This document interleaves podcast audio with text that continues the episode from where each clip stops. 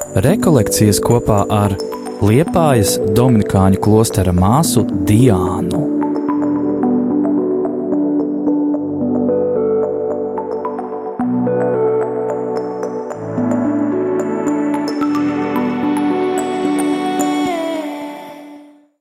Un tagad tas, kas man ir, tas, ja jūs to pieņemsiet, to, ko es tagad pateikšu, ja jūs to sapratīsiet, ja jūs to pieņemsiet un jūs to ievedīsiet savā dzīvē, būs brīnumi jūsu dzīvē. To es varu jums apsolīt.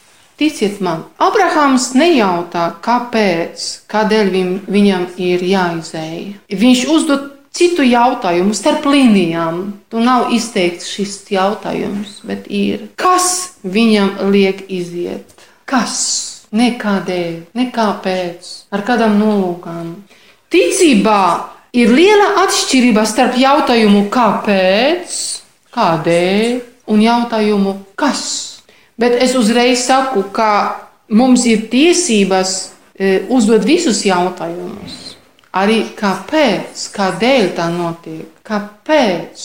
Bet šie jautājumi ticībā vairojas bieži tā kā smiltis jūras krastā. Un tie jautājumi ir tādi brīvi, miltaini, smiltaini. Cilvēkam prāts nekad nedos uz tiem atbildi. Kāpēc? Nekad. Jo tad, kad tu saņemsi atbildi, kāpēc, tad uzreiz būs. Bet kāpēc?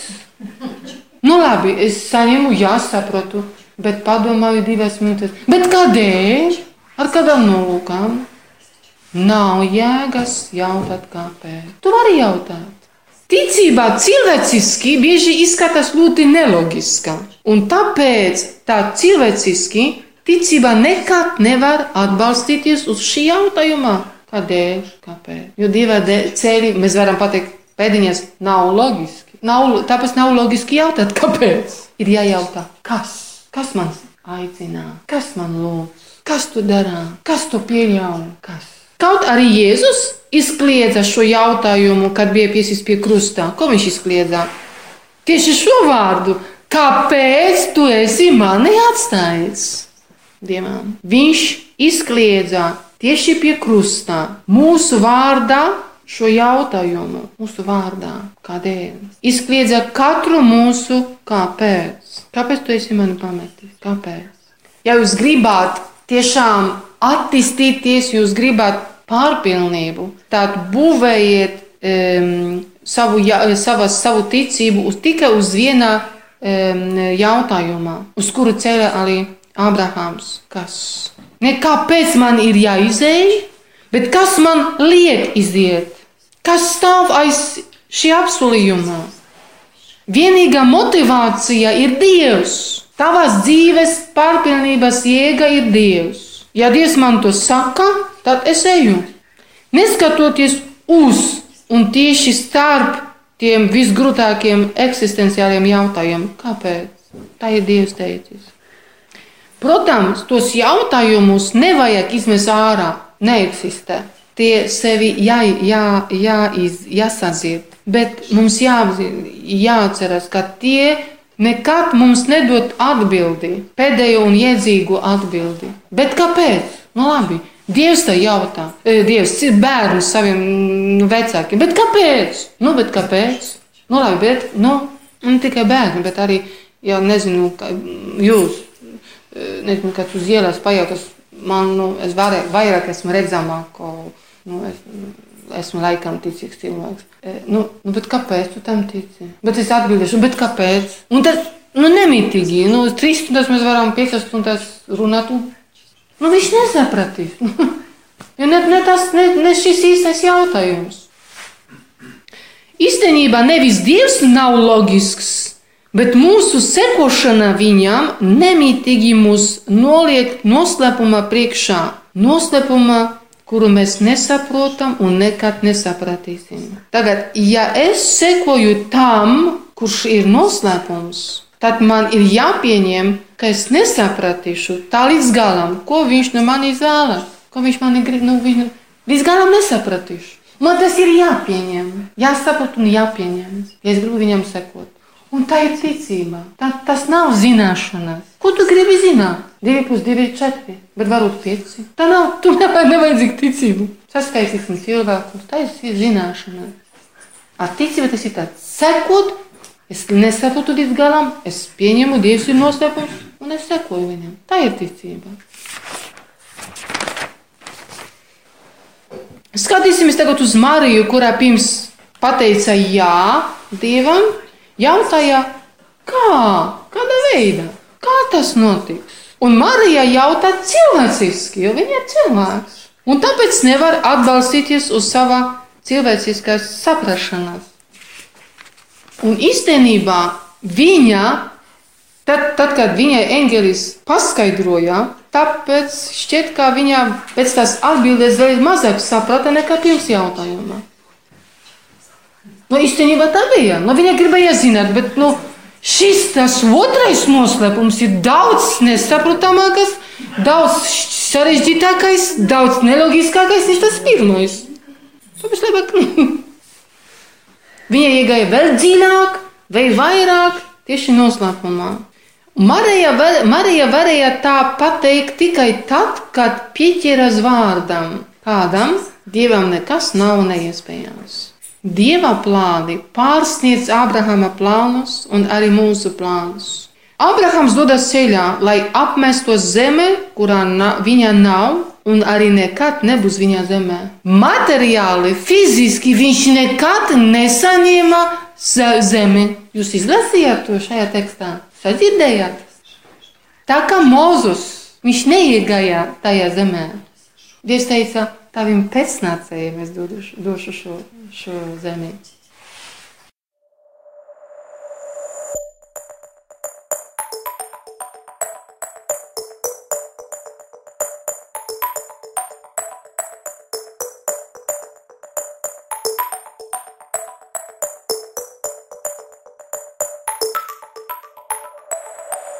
Šeit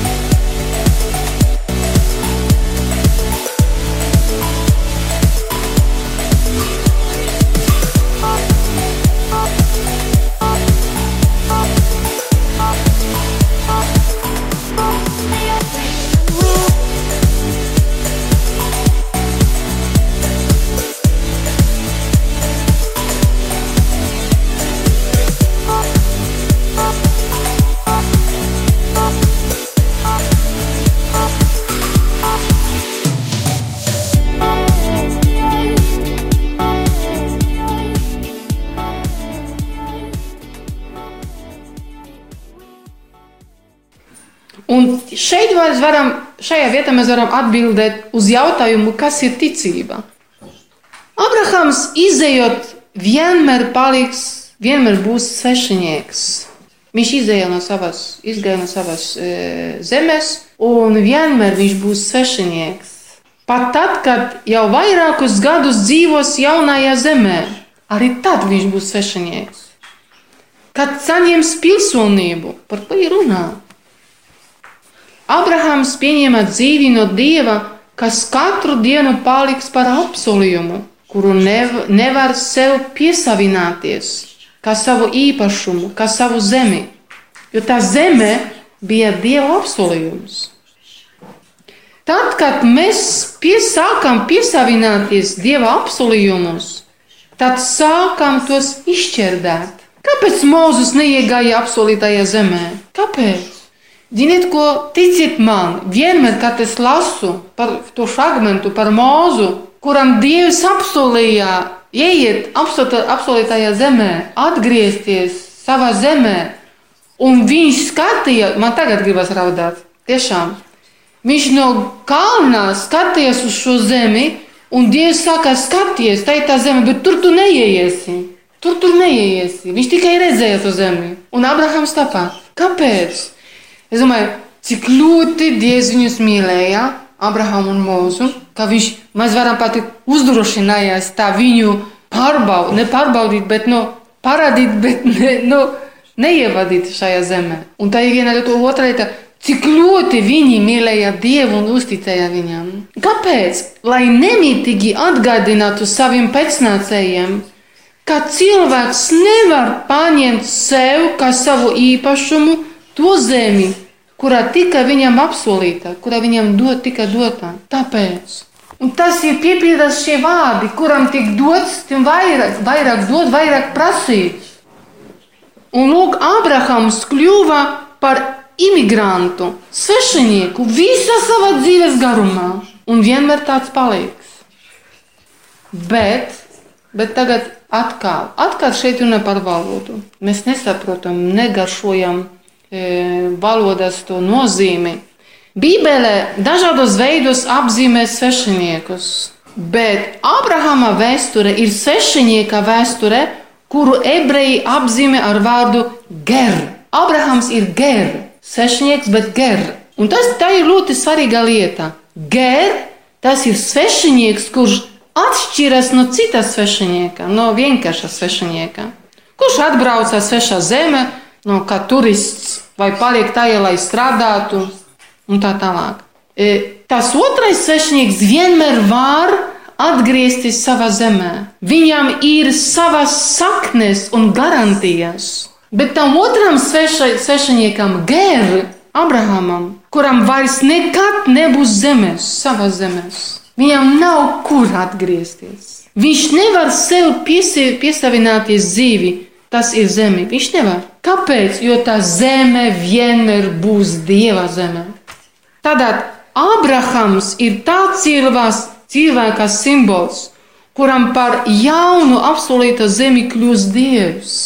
Un gan Mozum, gan Abrahamam tā apsolītā zeme, kur, uz kuru Dievs vadīja, ir pats Dievs. Tā ir tā tuvība, kuru mēs mums jāapskauž un jāļgojas. Varbūt ar mums tā arī pat būs. Tāpēc citā zeme viņam nebija vajadzīga. Dievs viņa bija tas apsolītā zeme. Pa kuru viņi staigāja? Dievs, Abrahams, pareizi, riskē visu. Viņš liek vienā svaru kausā visu, kas viņam ir. Iedomājamies! Viņš izvēlējās cilvēka statusu, kuram nav nekādas tiesības. Viņš ir garš. Un dieva aicinājums viņu liek ekstremālā nedrošībā. Tā cilvēciski. Vienīgā drošība viņam ir Dievs. Vai mēs pamanījām arī to, ka Dievs nepra, ne, nepaprasīja no Abrahama kādu zemes daļiņu? Tas ir visu. Daļiņu kaut kā Viņš grib, viņš vēlas, lai viņš viņam atdotu visu, lai Abrahams piedzīvotu un saprastu, ka viss viņa dzīve ir pats Dievs. Dievs viņam ir viss. Sāksim no galā. Ja tu gribi, lai Dievs būtu tev viss, tad tev viss ir jādod Dievam. Mēs varam pateikt, tas ir tāds sirds apmaiņa. Un tālāk. Un Abrahams tika, Abrahams tika tā norādīta zemē, un tu sasniedzi to zemi. Viņš tur jau tuvu kanānam. Sākas piepildīties apsolījums. Viņš jau, viņš jau jūta to smaržu. Tā kā mēs jūtam kafiju pusdienās, oh, tuvojas. Kafijas pārtraukumā apsolījums tuvojas. Pusdien, ne, apsolījums pusdienās jau. Jau tuvojas. Bet Dievs rada viņam to zemi un saka, taviem pēcnācējiem dodu šo zemi. Taviem pēcnācējiem. Kā viņš viņu mīlēja? Vispār nu, neaptverami, kā viņš viņu mīlēja, Abrahamu.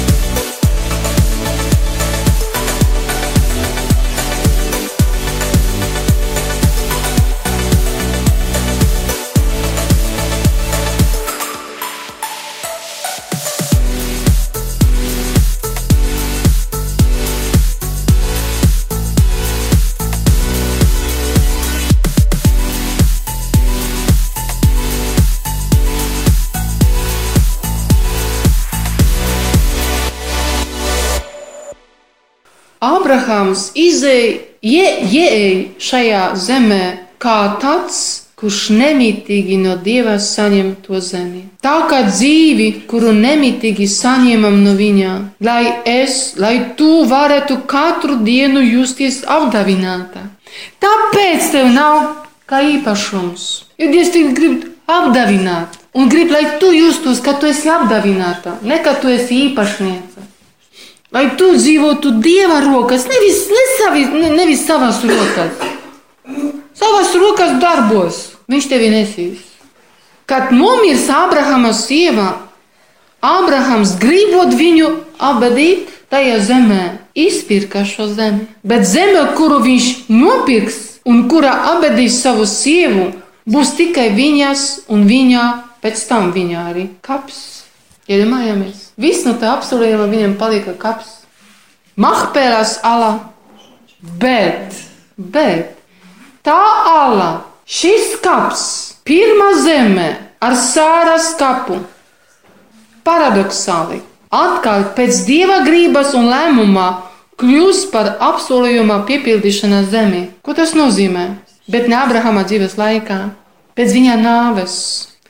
Tajā kapā dosies Abrahams, viņa dēls Īzāks, Īzāka dēls Jēkabs, un šis, tieši šis gabals, šis kaps kas liekas nāves, zi, nāves zīmu simbols, attīstīsies, izplatīsies un kļūs jaunas tautas zemē. No kapa, no maza gabaļa.